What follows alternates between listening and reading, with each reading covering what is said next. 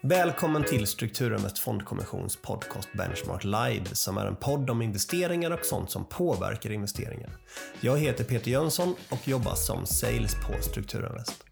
Strukturinvest Fondkommission tillverkar olika typer av finansiella placeringar samt har en marknadsledande depåplattform där bolagets kunder kan handla det mesta som är börsnoterat.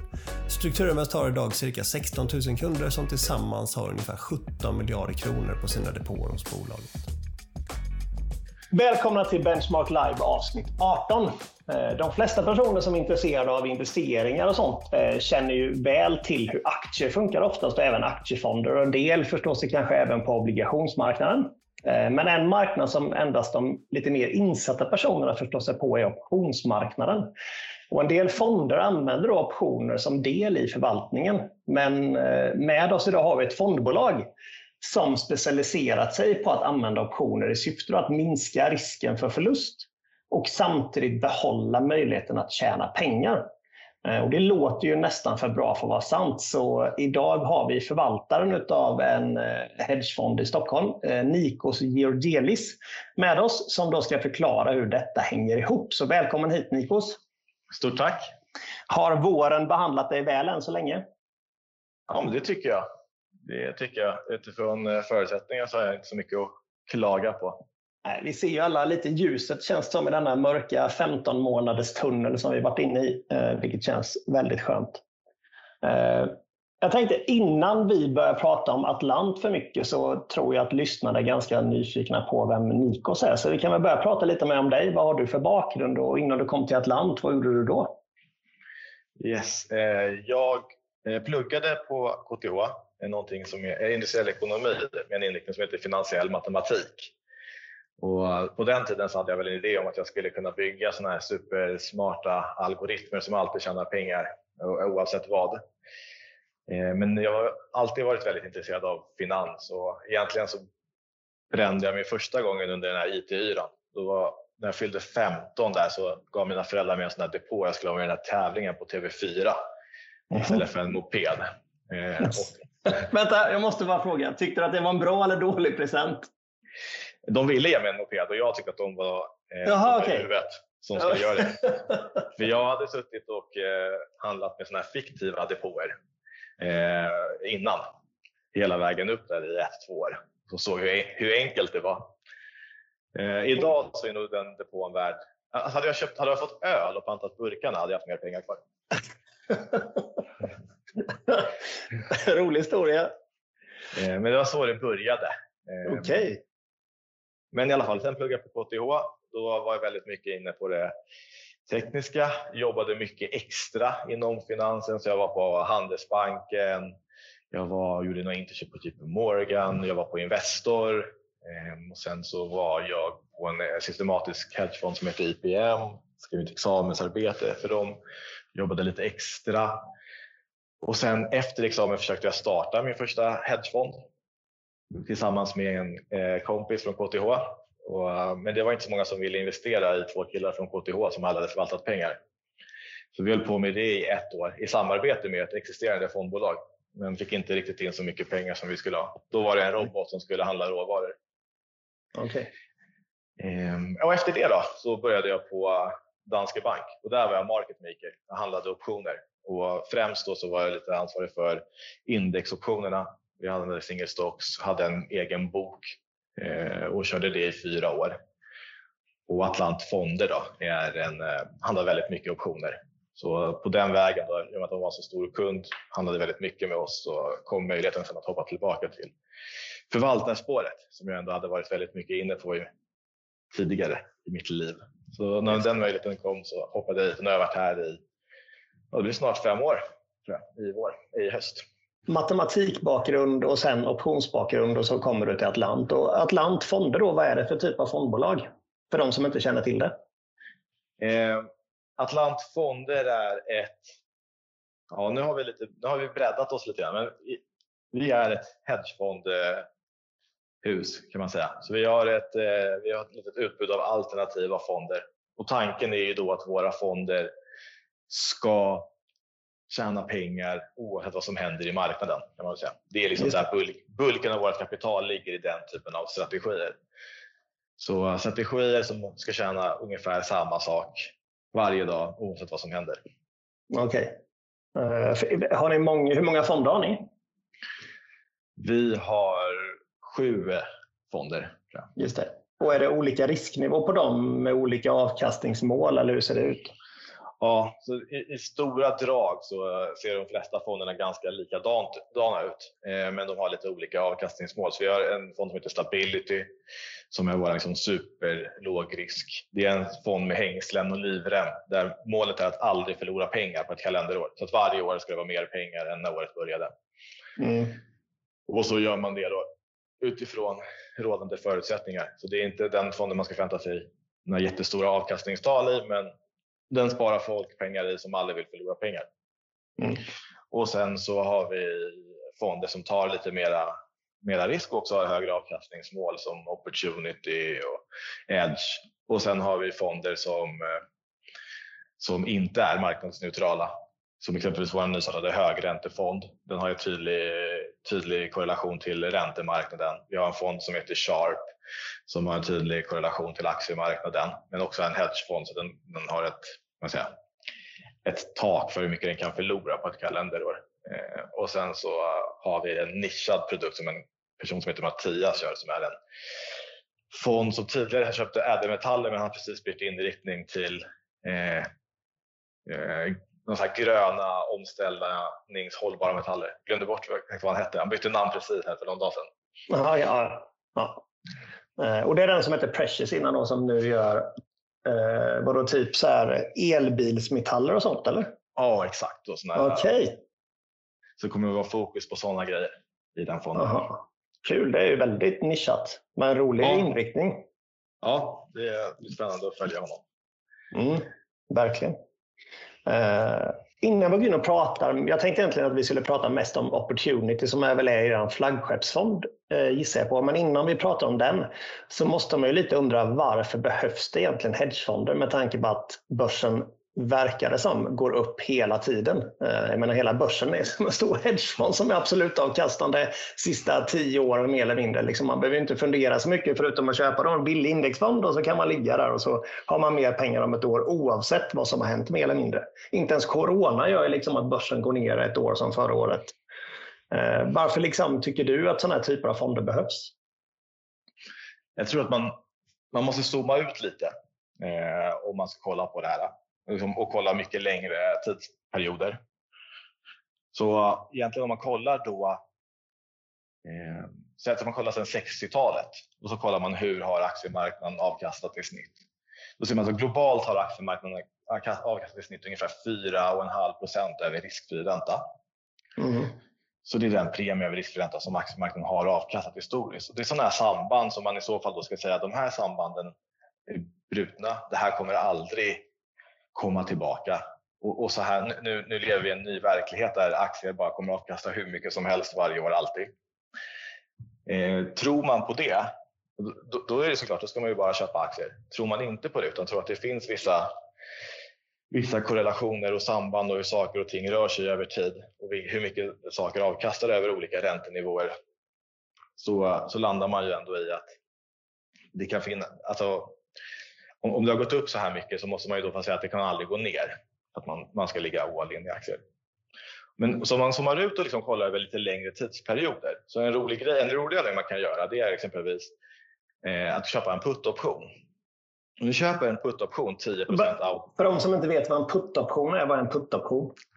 En put-option är en eh, försäkring. Så om jag skulle eh, den här övningen som vi ska göra nu då, det är att du köper en försäkring. Du försäkrar ditt kapital varje år. Om du gör, jag har gjort den här studien långt tillbaka på S&P 500. Du kan göra den på OMX också, eller vilket aktieindex som helst. Mm. Så varje år så, säger vi, så ringer du ett försäkringsbolag. Och det var det som jag jobbade med på Danske Bank. Just det. Som säljer de här. Och så säger du, jag har så här mycket pengar på börsen och jag vill försäkra det mot tapp större än 10% Så om börsen går ner mer än 10% så vill jag inte förlora mer än så. Så har du 10 miljoner, börsen går ner 10% då har du 9 kvar. Men därefter så vill du inte förlora mer. Så om börsen går ner 50% vill du låsa in där en, en försäkring. Och så kommer jag säga till dig att ja, men den försäkringen kostar per år 3% av ditt kapital. Eller något, något, något i den stilen. Mm. Och då kommer du säga att okay, men det är bra, då kan jag aldrig förlora mer än 13. Så om börsen går ner 50% nästa år så förlorar jag bara 13 och har resten av pengarna kvar. För att den här försäkringen kommer skydda mig. Just det. Så en putoption, det är egentligen en försäkring. Så det skulle kunna vara, man skulle kunna köpa en putoption på sin eh, bostadsrätt idag. Då säger man tycker att bostadsrätten har gått upp jättemycket och så vill man köpa, så skulle någon säga att ja, men jag försäkrar din bostad till det här värdet för den här premien. Så det är egentligen exakt vad en putoption är. Det är en mm. försäkring mm. mot större tapp. Och de här försäkringarna, om man, om man kollar exempelvis eh, över, om man kollar över riktigt långa tidsperioder så tänker man sig att de här försäkringarna det ska ju vara någonting som man förlorar pengar på att äga över tid. Mm. Eh, men säg att du hade gjort, köpt den här försäkringen varje år under alla de här eh, bullåren som har varit. Då är det klart det har varit pengar i sjön. Så då har det gått 3% sämre än börsen om du köper den här försäkringen 2009, 2010, 2011, 2012, 2013. Mm. Varje år har ju börsen varit upp eller inte ner 10% i alla fall. Mm. Vilket gör att det har ju varit pengar i sjön att köpa den här försäkringen. Men det roliga är att spolar du tillbaka bandet ett år bara, så att du köpte den innan 2008. Då, då, då såg ju den här försäkringen väldigt positivt i och med att du klarade Lehman-kraschen så bra. Mm, precis, och då var ju börsen ner 58 procent tror jag från topp till botten. Va? Exakt. Och det roliga med den här övningen då är att den personen som gjorde det här, att varje år la 3% på att skydda sitt kapital mot större tapp än 10 han leder fortfarande. Alltså han, han leder fortfarande på totalen över den personen som inte har gjort det, bara på vinsterna från 2008. Mm. Eh, så, så, eh, och, och, så då ska man säga att det kommer aldrig komma ett sånt här event igen. Så jag tror att om, om man säger att det kommer aldrig komma en börskrasch mer än vart 12 till 15 år, då lönar det sig inte att köpa de här positionerna. Men kommer de oftare än så, de här större korrektionerna, så lönar de sig faktiskt att äga över tid. Vilket är ganska udda att försäkringarna, man kollar över långa tidsperioder, har avkastat positivt. Så det har varit egentligen, det har, de flesta åren har det varit en förlustaffär, men på totalen så har det faktiskt avkastat positivt att vara försäkrad. Mm. Det är till skillnad mot en typ husförsäkring om man ska vara ärlig, för där förlorar man ju nästan alltid pengar över en eh, levnadshistoria. Att försäkra sitt hus mot brand till exempel. Exakt. Men så här är en, det är liksom en första myt som man liksom kan slå hål på om man bara simulerar tillräckligt lång tidsperiod. Att de här försäkringarna bara kostar pengar över tid. De kostar pengar de flesta år, men över tid har de avkastat positivt. Mm.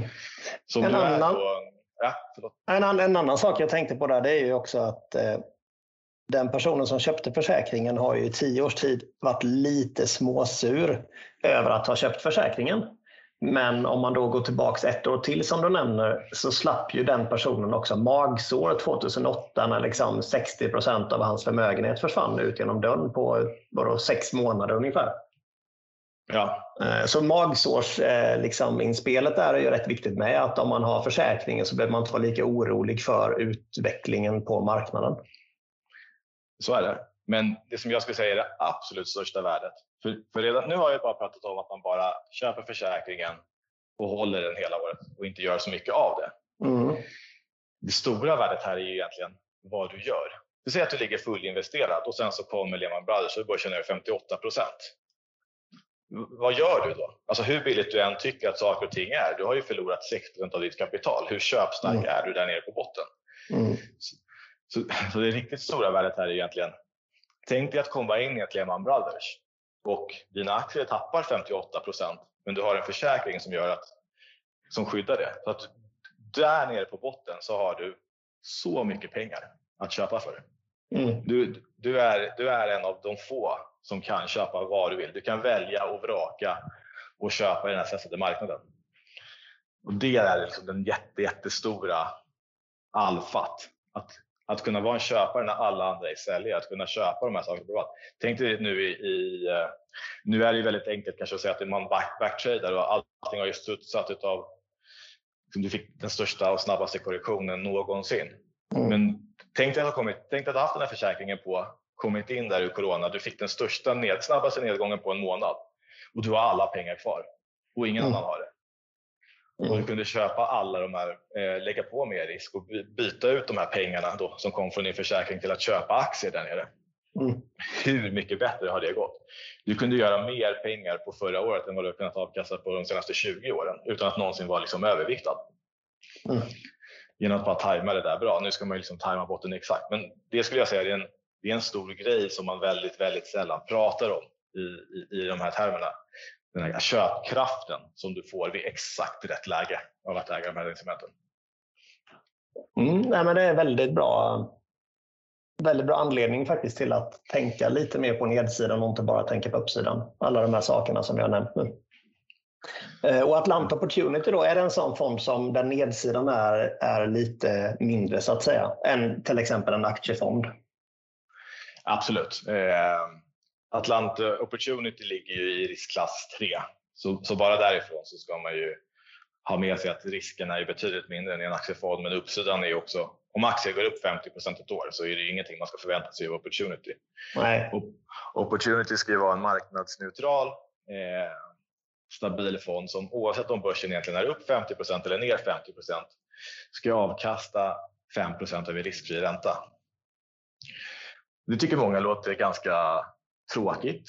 5% Speciellt i de här, alltså, som det har varit på senaste tiden känns det som att det är inte dubbelsiffrigt varje månad så blir en investering ointressant. Ja, lite så. Men återigen så har vi bara spolat tillbaka och kollat liksom över riktigt lång tidsperiod och ser då att aktier som grupp, om du tar liksom, gör en enda stor aktiekorg av alla världens aktiemarknader så går de ungefär 4,5 över riskfri ränta. Och om vi då kan, över, vi ser ju det här som ett maraton, göra en produkt som avkastar 5% det vill säga mer än vad aktiemarknaden har klarat av historiskt över riskfri ränta och göra det till en femtedel av risken och göra det på ett sådant sätt också att produkten inte är beroende av svängningarna så är vi väldigt nöjda. Så vi har klarat det väldigt bra sedan start och fortsätter vi göra det på den här nivån så är vi, liksom, vi är väldigt nöjda. Men det blir resultat som hamnar lite i skymundan om, om techaktier går tresiffrigt varje år. Mm, nej, det är klart. Så är det ju. Man är inte med på några topplistor direkt om man har en, en, en eh, lite tryggare fond. Nej, men 2018 så var ju ändå ett år det tyckte jag var ett ganska kul år för att hedge betyder ju skydd eller häck eller vad man ska kalla det. Mm, mm. Så 2018 var faktiskt ett ganska eh, viktigt år att kika på just när man ska kolla på de olika hedgefonderna och så där som finns. För att i och med att det har varit den marknad som vi beskriver så skulle jag säga att ordet hedge har ramlat bort från många hedgefonder. Många har egentligen nästan slutat göra det som syftet var, det vill säga att, mm. att skydda kapitalet och gå bra när annat som man äger inte går bra. Det är, det är, liksom, det är därför du vill äga en hedgefond. Du vill ha en komponent som gör att din portfölj blir robustare och din riskbaserade avkastning går bättre och den här ska också balansera dina aktier som du naturligtvis ska äga och dina räntor som du ska äga. Så dina traditionella risktillgångar vill du gärna att din hedgefond inte korrelerar med. 2018 var ett år när räntor var ner och aktier var ner. Det var inte så länge sedan, så det är en ganska bra Nej, precis jag tror det fanns av 76 hedgefonder på Avanza så tror jag att det var 10 stycken som hade positiv avkastning, varav 6 var Atlantfonder. Mm -hmm. Det visar ändå ganska mycket hur ordet hedge har ramlat bort från själva sektorn. Eh, och det är väl därför mm. som det kanske också har varit lite out of favor. Många hedgefonder beter sig snarare mer som en blandfond. Mer som att det är mm. en komponent av räntor och aktier. Och det går ju bra såklart när det går upp. Och man, kan, man, man kan smyga med och säga att men, men man, man, har ju fortfarande superhög korrelation till traditionella risktillgångar. Hedge ska ju vara icke-korrelerande med övriga portföljen, det håller jag verkligen med om. Ja, framförallt under stök. Och det är därför man tror att när det väl har stökat, så säger, efter varje stökig period, så blir hedgefonder väldigt impopulära. För att då känner sig alla lite besvikna över att man inte riktigt fick det som man tänkte att man skulle få. Mm. Eh, som grupp nu. Så att, mm. Men det är, väl, det är väl där vi försöker bli också. Eh, tidigare, om du ska tillbaka bandet innan, så hade du en ränta, det fanns ju en ränta i marknaden. Eh, så du kunde ha en portfölj som bestod av aktier och räntor. Du kunde ha statsräntor och investment grade. För det avkastade ju faktiskt någonting. Nu pratar vi om lån till svenska staten exempelvis och mm. kanske lån till Volvo. Trygga, stabila bolag. Om man kollar korrelationerna mellan aktier och den här andra komponenten så är den ganska låg över tid. Det säga att du liksom naturligt fick en hedgekomponent av att bara äga traditionella, enkla, likvida risktillgångar. Men i och med att statsobligationer köper ju bara Riksbanken nu och, och investment grade gildar ju ingenting. Så du får ju någonting som antingen avkastar negativt eh, eller runt noll. Så liksom avkastningen är helt borta ur det här benet. har gjort att många har börjat liksom söka mycket högre risk inom räntebenet. Mm. High yield är ju någonting som har exploderat i Sverige de senaste tio åren som knappt fanns innan. Precis. Eh, och, men där är en viktig grej att det hanteras ju fortfarande som att det är den här eh, hedge-komponenten, den här blandfonden. Liksom idén kring en blandfond med att du hade en ränteben och ett aktieben är att de här två inte helt korrelerar med varandra. Men inom high yield så är ju korrelationen 1. Mm. Nästan. Jag tror det är 0,8 i snitt mellan high yield och eh, aktier. Eh, och, och, då har du egentligen lagt alla ägg i samma korg. Så du har egentligen köpt på dig samma risk eh, fast du inte riktigt förstår det. Utan du tror att det finns något hedge, hedge Men det har ju blivit väldigt svårt att hedga en portfölj. Så vad ska du köpa? I och med att det, det som har hänt är att centralbanken har ju tagit bort den liksom, möjligheten. Och det är där som vi försöker bli en, en, en, en produkt, erbjuda någonting. Ja, precis. Så ni, ni försöker egentligen vara räntekomponenten i en portfölj som räntekomponenten var förr i tiden när den egentligen gav en avkastning? Ja, exakt. Men sen så avkastar kanske mer än vad den, mm. Vad den eh, skulle ge. Men, men det är den byggstenen i alla fall. Den, den rollen i portföljen som vi försöker eh, ersätta. Att bli en, den hedgekomponenten i en totalportfölj. Det som mm. liksom balanserar och ökar avkastningen och inte korrelerar till det man traditionellt sett äger när det kommer stök. Men om man då kollar på Atlant Opportunity igen, vad, vad investeringsmandat vad liksom får fonden köpa för någonting? Får den köpa enskilda aktier? Eller liksom hur, hur, eh, vad tjänar ni pengar på? Eh, det är, det är väldigt fritt. Ska jag säga. Mm. Ja, det är det väl nästan på alla, alla eller de flesta hedgefonder är i alla fall ganska fritt mandat och det är lite därför jag frågar. Ja, så bulken av vårt kapital ligger i ett ränteben. Så, så man skulle kunna, om man skulle förenkla fonden jätte, jätte enkelt så skulle man nästan kunna säga att den är som en strukturerad produkt där du har en räntekomponent som genererar en kupong. Och för den här kupongen så kan fonden göra eh, det förvaltarna anser är de bästa möjligheterna för tillfället. Och då om det är att köpa eh, en aktie i ett bolag eller att köpa en Eh, ett instrument som ger exponering mot eh, ett teknikindex eller om det är att ge, skaffa sig exponering mot eh, råvarusektorn. Det är helt fritt upp till oss. Eh, gemensamt då i grundtanken är ju att alla de här små betsen som vi gör på toppen för den här kupongen, det ska vara många bets, det ska vara små bets, det ska vara bets med en väldigt stor potentiell uppsida men en begränsad nedsida. Så antingen ska vi, om vi lägger 10 punkter av fonden i något sånt här instrument som ger exponering mot råvarusektorn så ska det kunna ge en väldigt god avkastning på fondnivå om det blir så att råvarusektorn går väldigt bra. Mm.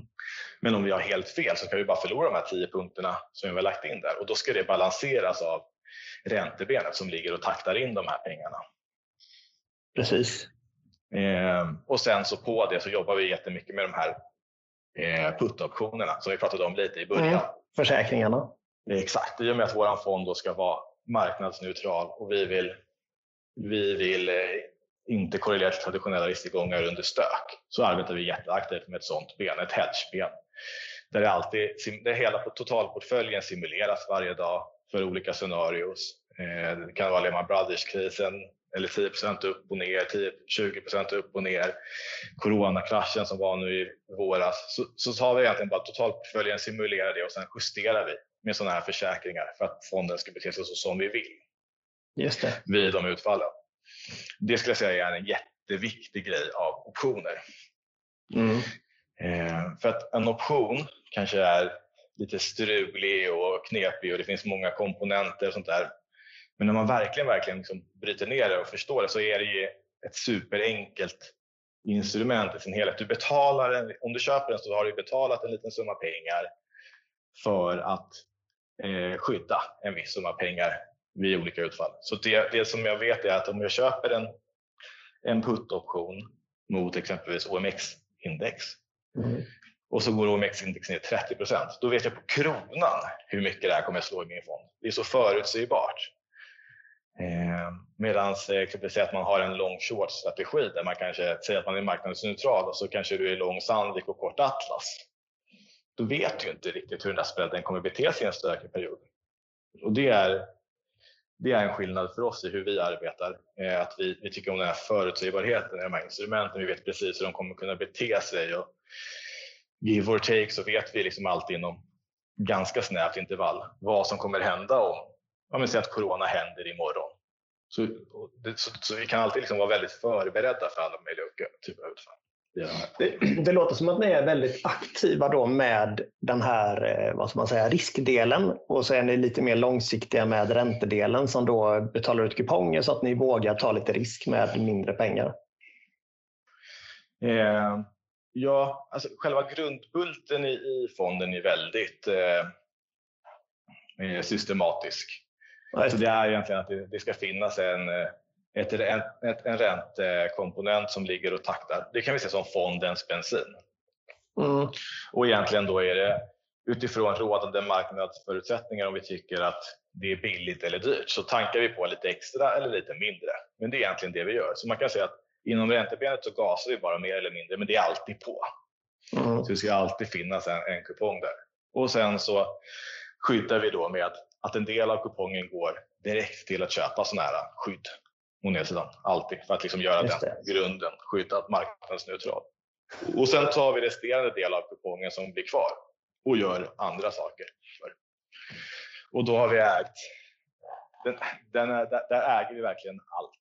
Eh, som vi sa innan, det, saker som potentialen är väldigt stor men eh, nedsidan ska vara förhållandevis liten på fondnivå.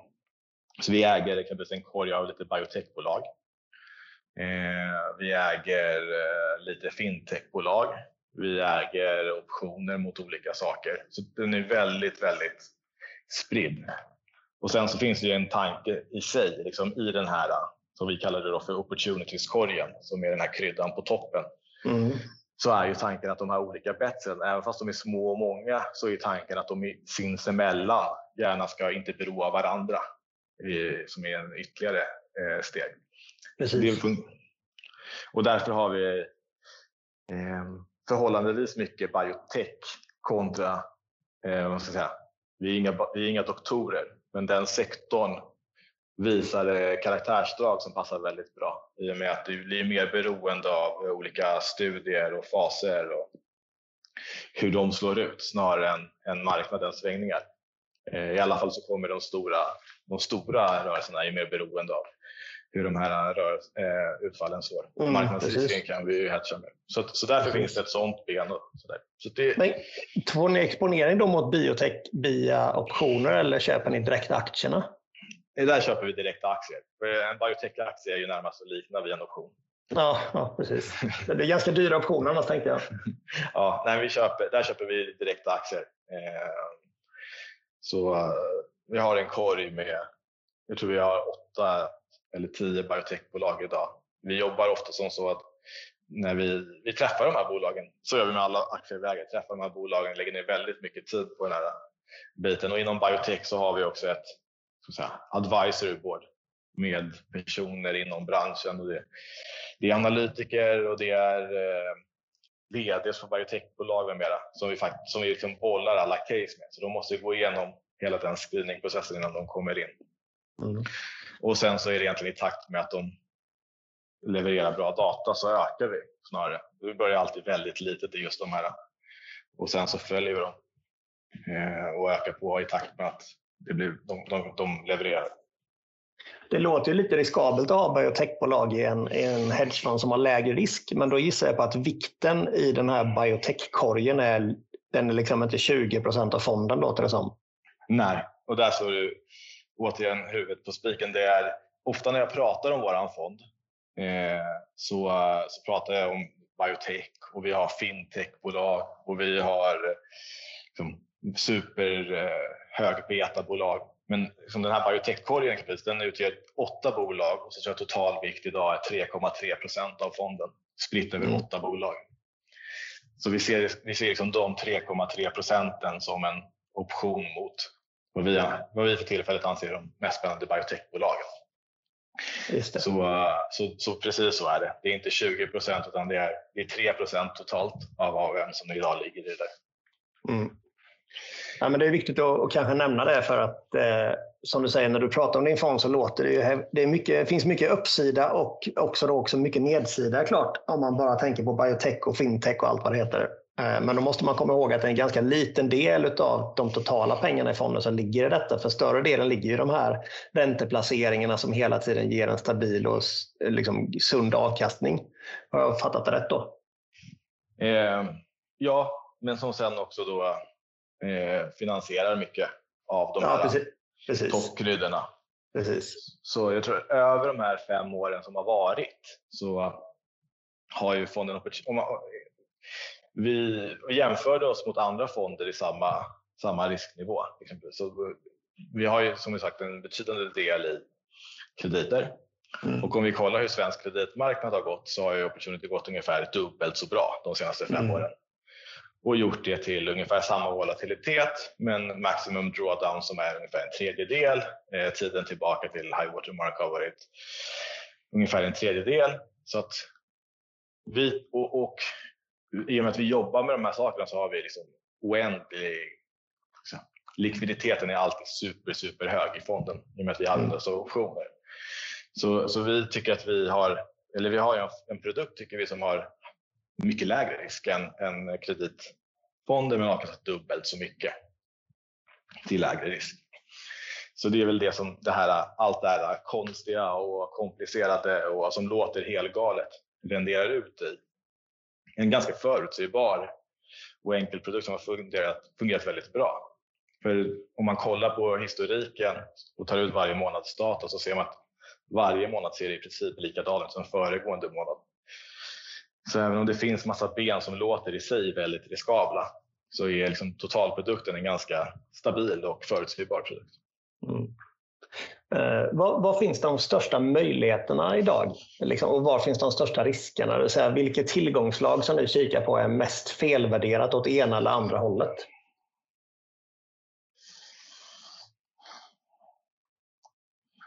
De största möjligheterna, den är tuff tycker jag idag. Ja, du menar att det finns inte så mycket möjligheter som är gigantiska? Jag tycker att mycket ser ganska, ganska juicy prisat ut. Så det är, mm. ganska, det är ganska dyrt idag, tycker vi, generellt sett. Överlag lite överallt. Så jag skulle säga att den största möjligheten är väl att volatilitetsnivåerna, det är, det är huvudinputen i vad såna här, olika sådana här försäkringar kostar. Det är egentligen hur stökigt man, man, man, man gissar att framtiden ska bli. Och förra året så var ju det väldigt dyrt eh, i och med att det var så stor osäkerhet. Men nu börjar den det komma ner. Så man kan säga att de här försäkringarna börjar bli billigare igen. Och det tycker väl jag är eh, den största eh, det som känns attraktivast att köpa just nu. Det är de här möjligheterna på både upp och nedsidan. Att köpa det via optioner. Eh, att det börjar bli billigare igen. Så att i den här osäkerhets, osäkra tiden så börjar det ändå bli lite billigare att både exponera sig på upp och samt nedsidan och göra det till ganska lite pengar at risk. Det, mm, det, är, det är perfekt. Så egentligen det största eller bästa tillgångslaget nu att köpa är volatilitet egentligen för att det är billigt. Ja, ur ett historiskt perspektiv så är det inte eh, vrål billigt, men det är ganska billigt. Och man ska komma ihåg att de nivåerna som var innan, precis innan coronakraschen, det var nog de lägsta nivåerna i världshistorien. Ja, precis. Då, då har volatilitet aldrig varit så billigt. Så vi tycker att volatilitet ser ganska attraktivt ut att köpa. Mm. Eh, det som vi tycker ser fruktansvärt felprisat ut, det är nog framförallt amerikansk investment grade. Det är en ganska stor skillnad i hur obligationsmarknaden fungerar i USA kontra eh, Norden. Och det är ofta att de obligationerna är fixed. Det betyder att de har lånat pengar på en fixed ränta medan exempelvis i Sverige så lånar de flesta bolagen på en spread över. den riskfria räntan. De har rörlig ränta i Norden och fast ränta i USA. Exakt. Så vad gör, de, här... de, de, som inte kan känna till då vad det innebär egentligen om du har en fast ränta eller rörlig ränta. Om räntan går upp på en, liksom en lång löptidsobligation i USA, vad händer med obligationen då? Då kommer ju den gå ner jättemycket i pris. Eh. Och vad är, jag menar, I Sverige så är jättemycket 1% ner på en obligationsfond. Det är jättemycket tycker folk. Men vad är, liksom, vad är jättemycket så att folk förstår att det finns risk i detta? Ja, men säg att du köper eh, amerikansk investment grade. Det, det, ska ju då alltså vara de absolut finaste bolagen i, mm. i, eh, i världen kan man väl säga nästan. Mm. Eh, det är de största och stabilaste bolagen i världen och om du har lånat ut pengar till dem idag så gör du det kanske, kan det ligga på nu då, säg 2% per år i kupong. På hur lång löptid? Jag tror att durationen där ligger väl någonstans runt 7 år mm. snittdurationen. Så, så under sju års tid. Och skulle du då få en, en, eh, en, eh, en ränteuppgång där på 1% nu med all den där inflationshot och så som har varit. Då skulle nog det här slå nästan eh, liksom, din förväntade avkastning över riskfri ränta där och det är ungefär 1% Så skulle räntan gå upp 1% då försvinner hela din avkastning kontra riskfri ränta under hela löptiden. Så du skulle ju, på, en, på ett upptick på räntan på 1% så skulle du bli av med all din förväntade avkastning över riskränta. Mm. Nedgång på typ 7 procent då? Ja, något sånt då, kan man väl säga mm. om man verkligen förenklar alltihopa. Så, så då, då, då blir varför ska man ta från de här låga nivåerna, köpa den risken, även om vi aldrig, vi tror inte att en av de där bolagen kommer gå i konkurs. Eh, så det är inte liksom att de ska börja gå i konkurs som man ska oroa sig för. Däremot så, här så skulle räntan ticka upp 1 så var det en helt onödig investering. Eh, mm. Helt onödig risk. Du har tagit risk för, utan avkastning. Mm, precis. Och, och, och, och, då kommer du, du kommer ju få den här förlusten dag ett och sen så kommer det ta sju år att tjäna tillbaka de pengarna som du förlorade. Mm. Och i år har ju faktiskt räntorna gått upp i USA. Eh, eller framförallt under hösten och även nu i februari klart. Eh, men det, det har också gjort att faktiskt, tror jag i alla fall, sent jag kollade så var väl båda high yield-fonder och investment grade-fonder ner på året. Exakt, och det, det ligger ju mycket i att de lånar på en fixed ränta medan vi här i Europa lånar på en, på en rörlig ränta. Eh, Just det, och det är därför inte nordiska företagsobligationsfonder har gått ner då, även om räntan har gått upp lite. För att de har rörlig ränta. Ja, Absolut, och sen så finns det en liten, eh, om man, jag tror det, det är nog en av huvudkomponenterna. Han har nog kreditspreadarna tajtat lite här medan de inte har gjort det där. okay, ja. så, så det finns en liten, ja, vad ska jag säga? Ja, det, där, det där, vad som är rätt och vad som är fel av det där det vet man inte. Men, men, men, den nordiska kreditmarknaden brukar kunna vara lite trögrörligare och det krävs att det kanske blir lite större moves för att vi ska hänga på vad som händer eh, i, i exempelvis USA. Mm.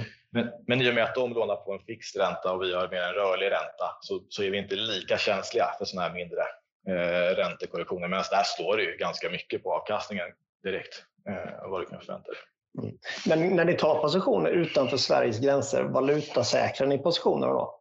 Ja, alltid. Så alla våra ja. fonder är 100% valutasäkrade till, till svenska kronor som är vår handelsklass.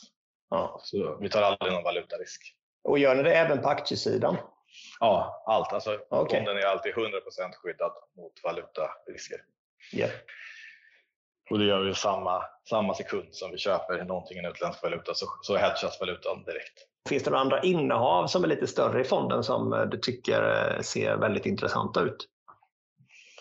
Du har nämnt biotech och fintech. Ja, men inom, inom eh, som några exempel då på sådana opportunities som vi letar efter där vi lägger mm. en liten del av vårt kapital. Eh, men där uppsidan ska ses som ganska stor men får vi helt fel så ska det skyddas av kupongen. Då har vi inom fintech så äger vi ett bolag som heter Vostok Emerging Finance. De äger fin det, är ett investmentbolag som äger fintech över i emerging markets, väldigt mycket i Brasilien, Mexiko, de har i Indien. Det vi gillar med det här bolaget är att allting är fintech. Eh, så det är om man verkligen liksom förenklar deras produkter mycket och vad alla deras portföljbolag håller på med så är det att de, de utvecklar nya digitala sätt för att hålla på med världen, en, en av världens i alla fall äldsta och enklaste affärsmodeller, det vill säga att låna ut pengar mot en ränta. Mm.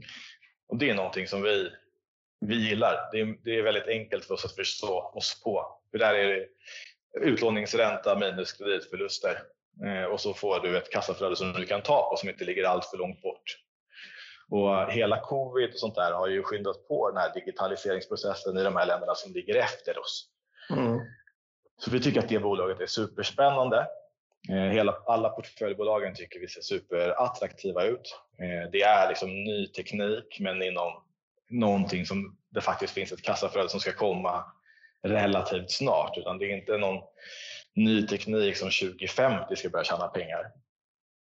Och det som vi, det som vi gillar framför allt med det här då, det är att det här bolaget handlar just nu till en, eh, en eh, rabatt mot sitt, eh, mot sitt substans.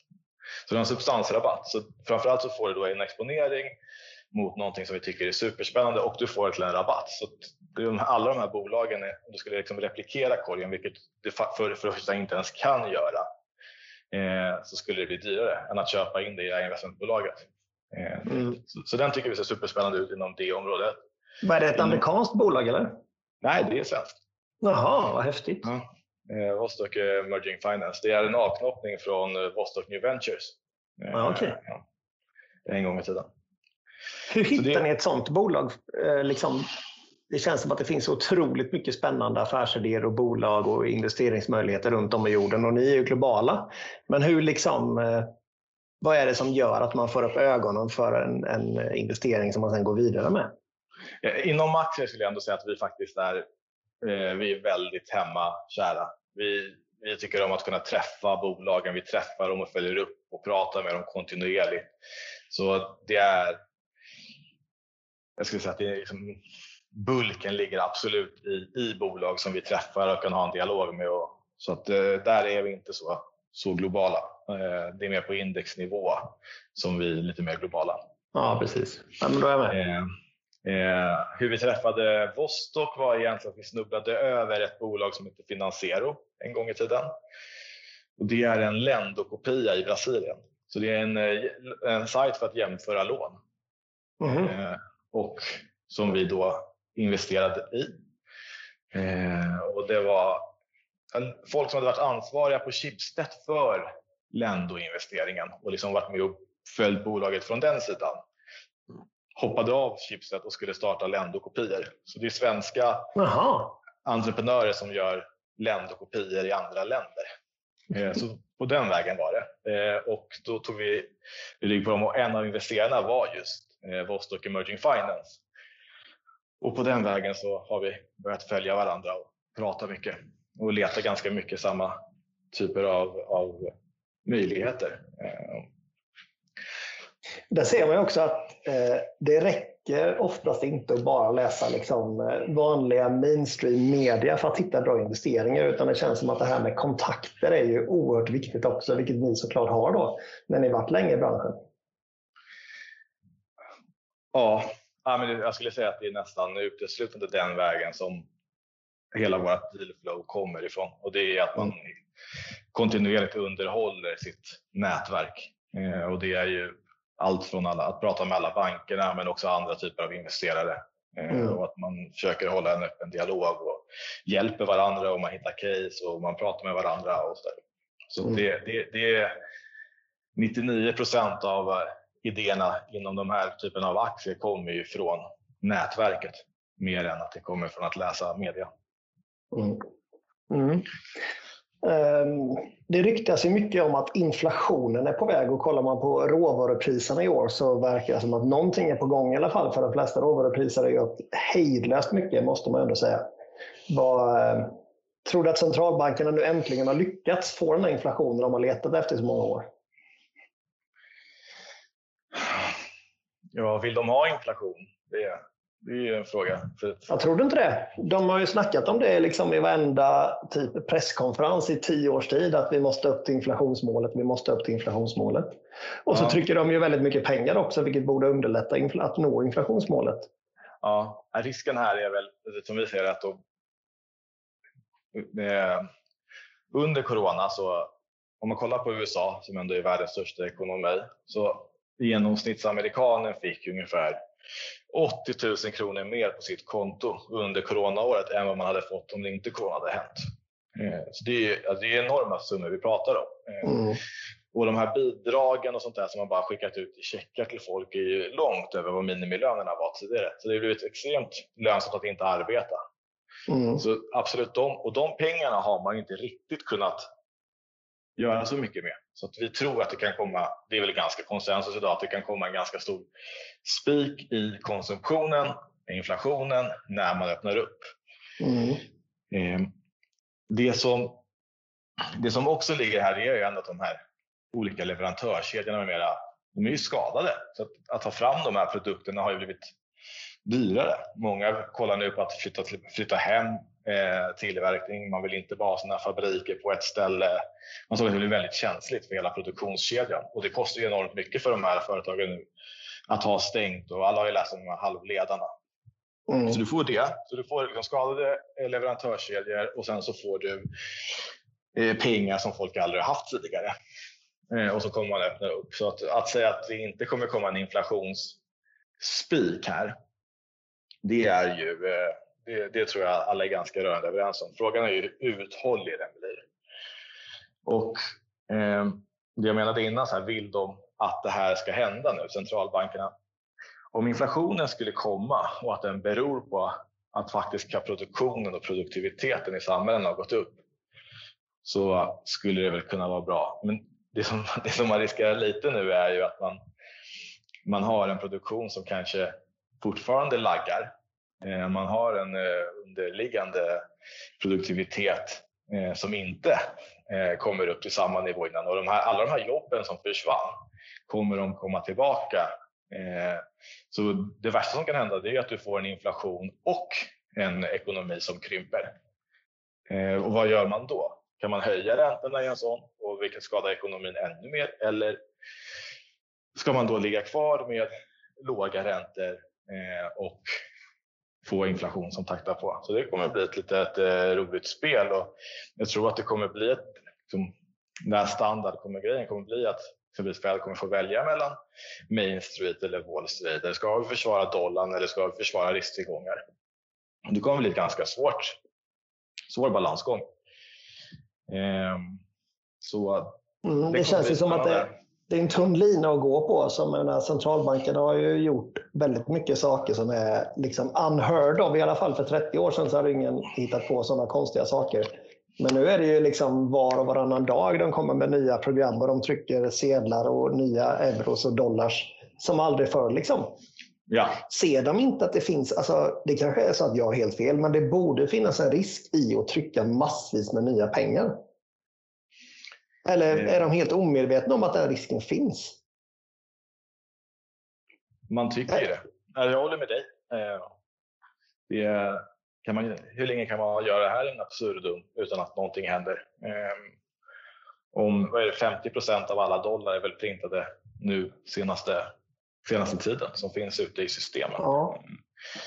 Så eh, vi ser, vi ser samma saker, det bara kommer massa pengar. Men, men att pengamängden ökar i takt med en ekonomi som växer. Det är ju rätt naturligt. Mm, absolut. Men nu får man ju en pengamängd som ökar med en ekonomi som inte växer. Och det är det som jag menade innan, det här med vill man ha inflationen i det här läget eh, och bli tvungen att kanske höja räntor för att inte urholka värdet av exempelvis dollarn eh, och hur gör du det? Hur hanterar du det spelet för att inte eh, strypa den ekonomiska faktiska tillväxten eh, samtidigt som du har en inflation? Så det kommer bli ett väldigt intressant spel. Eh, jag, jag vet inte hur man ska lösa alla de här sakerna.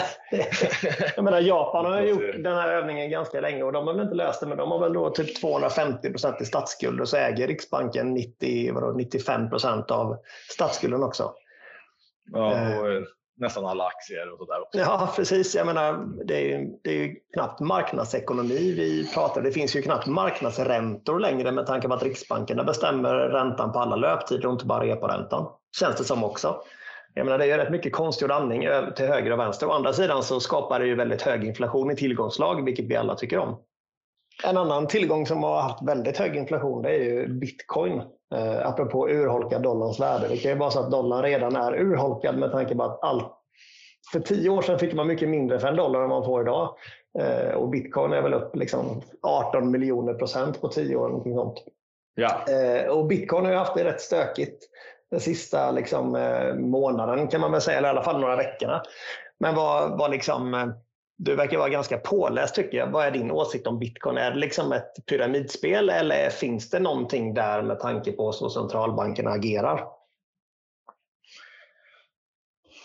Det finns absolut någonting där. Och om man kollar på om man kollar på vad kryptovalutor är, om man kollar liksom hela, hela filosofin bakom bitcoin om, jag, om någon skulle komma och beskriva den, liksom, man, man, får hela idén förklarad för sig, så skulle man ju säga att det är en helt otrolig uppfinning. Det är en helt fantastisk uppfinning, vilken grej. Eh, och, men här är det viktigt att eh, det, det, ena med hela den här kryptovalutan och sådär, om man, vad är, du, du har du, du har ju blockchain. Och blockchain, det är liksom själva tekniken bakom. Och det är egentligen, det är egentligen som ett stort Excel-ark där det är bara väldigt, väldigt många personer som hela tiden verifierar vad som händer i Excel-arket. Och där skulle vi kunna sätta och stoppa in vad som helst. Och, och den här tekniken är ju, det, det, kommer, det kommer ju finnas och det, det kommer göra jättestor skillnad i hur saker och ting fungerar. Exempelvis om du och jag gör en fastighetstransaktion med varandra så kommer vi inte behöva eh, en mäklare utan allting kommer liksom verifieras i det här digitala registret. Men, eh, så det, det, finns otroligt mycket use cases eh, och jag tycker att det, det, det är otroligt spännande. Jag lägger ner jätte, jättemycket tid på att leta bolag, eh, verksamheter, idéer eh, eh, på att hitta folk som ska använda tekniken till faktiska saker. Mm. Eh, och här är väl det som jag tycker är Bitcoin var ju först. Eh, och Bitcoin, i början pratade man ju om alla de här användningsområdena och att eh, och det skulle vara en, en digital valuta där centralbanken har någon koll på den har ett fixt nummer på 21 miljoner stycken bitcoins, det är max som ska minas. Eh, men, men du har ju det här Excel-arket och sen så är det en massa datorer runt omkring i hela världen som verifierar alltihopa som händer i Excel-arket. Och varför man behöver ens en valuta, det är ju för att de ska få betalt för det här arbetet. Mm. Eh, så det, det, det, är två, det är två delar här liksom när man pratar om krypto som är viktiga. Det ena är en stor eh, blockkedja med, där allting sparas. Som vi kan säga det är ett Excel-ark där alltihopa syns. Och det andra är att för att folk ska lägga sin datakraft och verifiera den här så behöver vi också någonting att betala dem och det blir kryptovalutan. Eh, så när så när du och jag gör någonting, det skulle kunna vara vad som helst, det kan vara att du och jag gör en hustransaktion och då är det en massa datorer runt om i hela världen som verifierar det här. Och sen så finns det där för alltid i ett register eh, sparat och så massa datorer som, som, som hela tiden har koll på den här blockkedjan och att ingen kan peta och pilla med den eller ändra i den, utan det är vad det är. Och de får mm. betalt då i bitcoins för att göra det här. Bitcoin var först. Så alla de här användningsområdena, alla de här liksom, grejerna som man, man, kan göra med bitcoin, eh, eller som man i alla fall filosofiskt pratade om att den skulle användas till. Tekniken är ganska dålig liksom, i grunden. Mm. Eh, så, det, så det kommer aldrig kunna användas till mycket av det här. Så bitcoin har ju snarare blivit som ett digitalt guld där det, liksom, det dess enda idag i alla fall use case är ju att det är en bristfällig tillgång där vi bara enas om att ja, det finns bara så här mycket och så säger vi att den är värd någonting.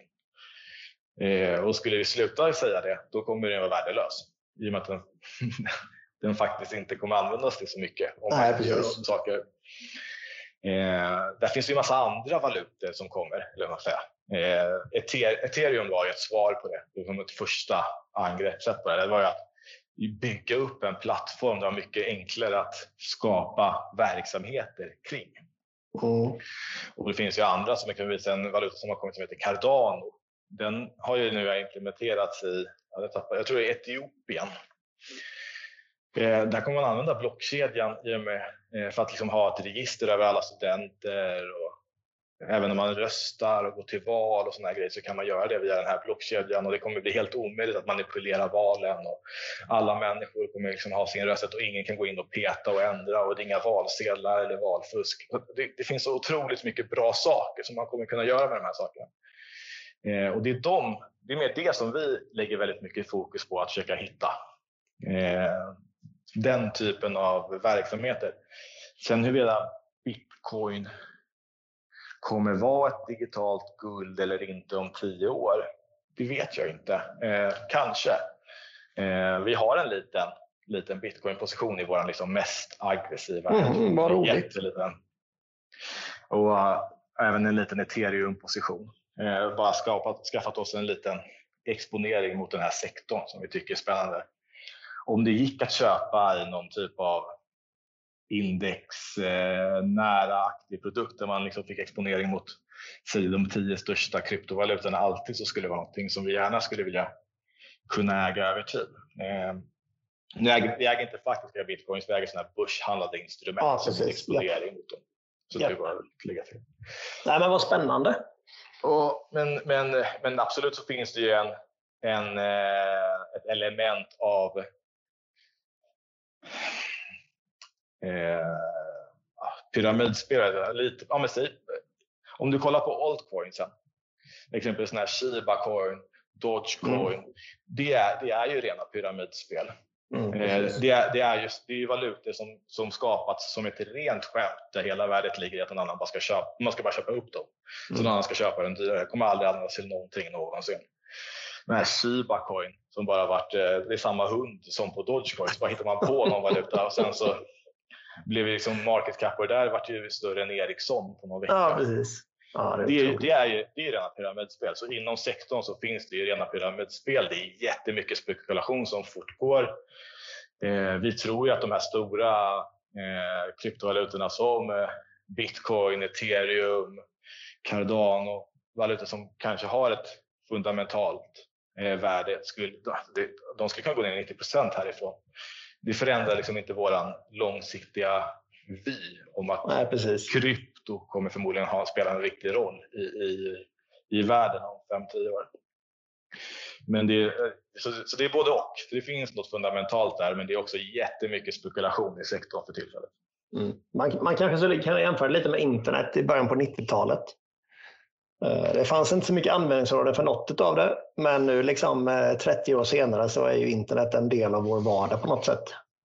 Och så kanske det kommer vara gällande de olika eh, teknikerna också om 20 år när liksom det har funnits i 30 år. kan man ju tänka sig. Ja, ja men precis. Så den utvecklingen är väl lite den ser där också. Alltså, själva kryptoteknologin, blockchain-teknologin, den är för bra för att den liksom inte ska implementeras. Mm, det, är, precis det kommer vara en sån här äh, samhällsförändring i, i nivå med internet. Mm, ja, men precis. Eh, men, men äh, precis som du säger, hur den ska göra, när den ska ske. Bitcoin kan ju vara värt noll och det, här, det kan vara massa andra eh, såna grejer mm. som kommer. Precis. Men, eh, men jag tycker det är superspännande. Jag lägger ner jättemycket tid på att läsa det. Mycket av bara av egen intresse. För att jag tycker mm. att det är så himla intressant. Ja, vad häftigt. Kul att, jag måste, jäkligt kul att ni äger lite av de här ETN eh, som finns på börsen.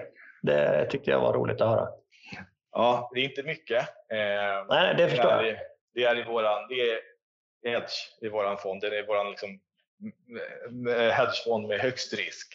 Ja, och även i den så är det, jag tror att det är, det är under 2% av AUM just nu totalt mm. i två stycken valutor. Eh, men, men, men, det finns med där i alla fall, så vi kikar på det. Är det någonting annat du eh, känner att vi borde prata om när det gäller Atlant Opportunity framför allt? eh, som inte podden har fått fram nog? Um. Om du skulle sammanfatta fonden för våra lyssnare, liksom, varför ska man köpa den? Eh, varför ska man köpa Atlanta Opportunity? Opportunity har levererat en väldigt fin avkastning som är högre än aktiemarknadens snitt till en risk som har legat under eh, företagsobligationsfonders. Och den har gjort det genom att ha en negativ till nollkorrelation till traditionella risktillgångar under alla stökiga perioder sedan fonden startades. Så sju gånger sedan fonden startades har börsen tappat 10 procent eller mer. Och fem av dem har fonden gått positivt.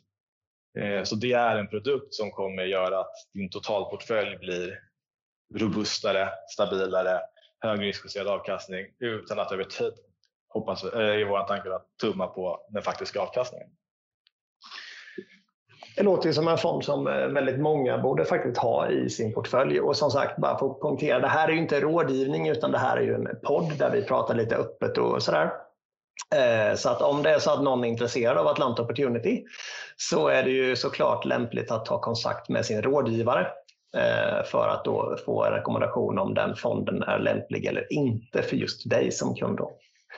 Eh, men jag tycker att vi tackar Nikos för ett jätteintressant avsnitt och så ja, ha en fortsatt fin dag allihopa. Tack Nikos! Tack så mycket! Tack! Det du hört i denna podcast ska inte ses som rådgivning rörande finansiella placeringar eller investeringar, bokförings-, skatte eller juridiska frågor. Du ska inte basera dina investeringsbeslut på det som framkommit i podcasten. Kontakta alltid din rådgivare för att bedöma om en placering eller investering är lämplig för dig.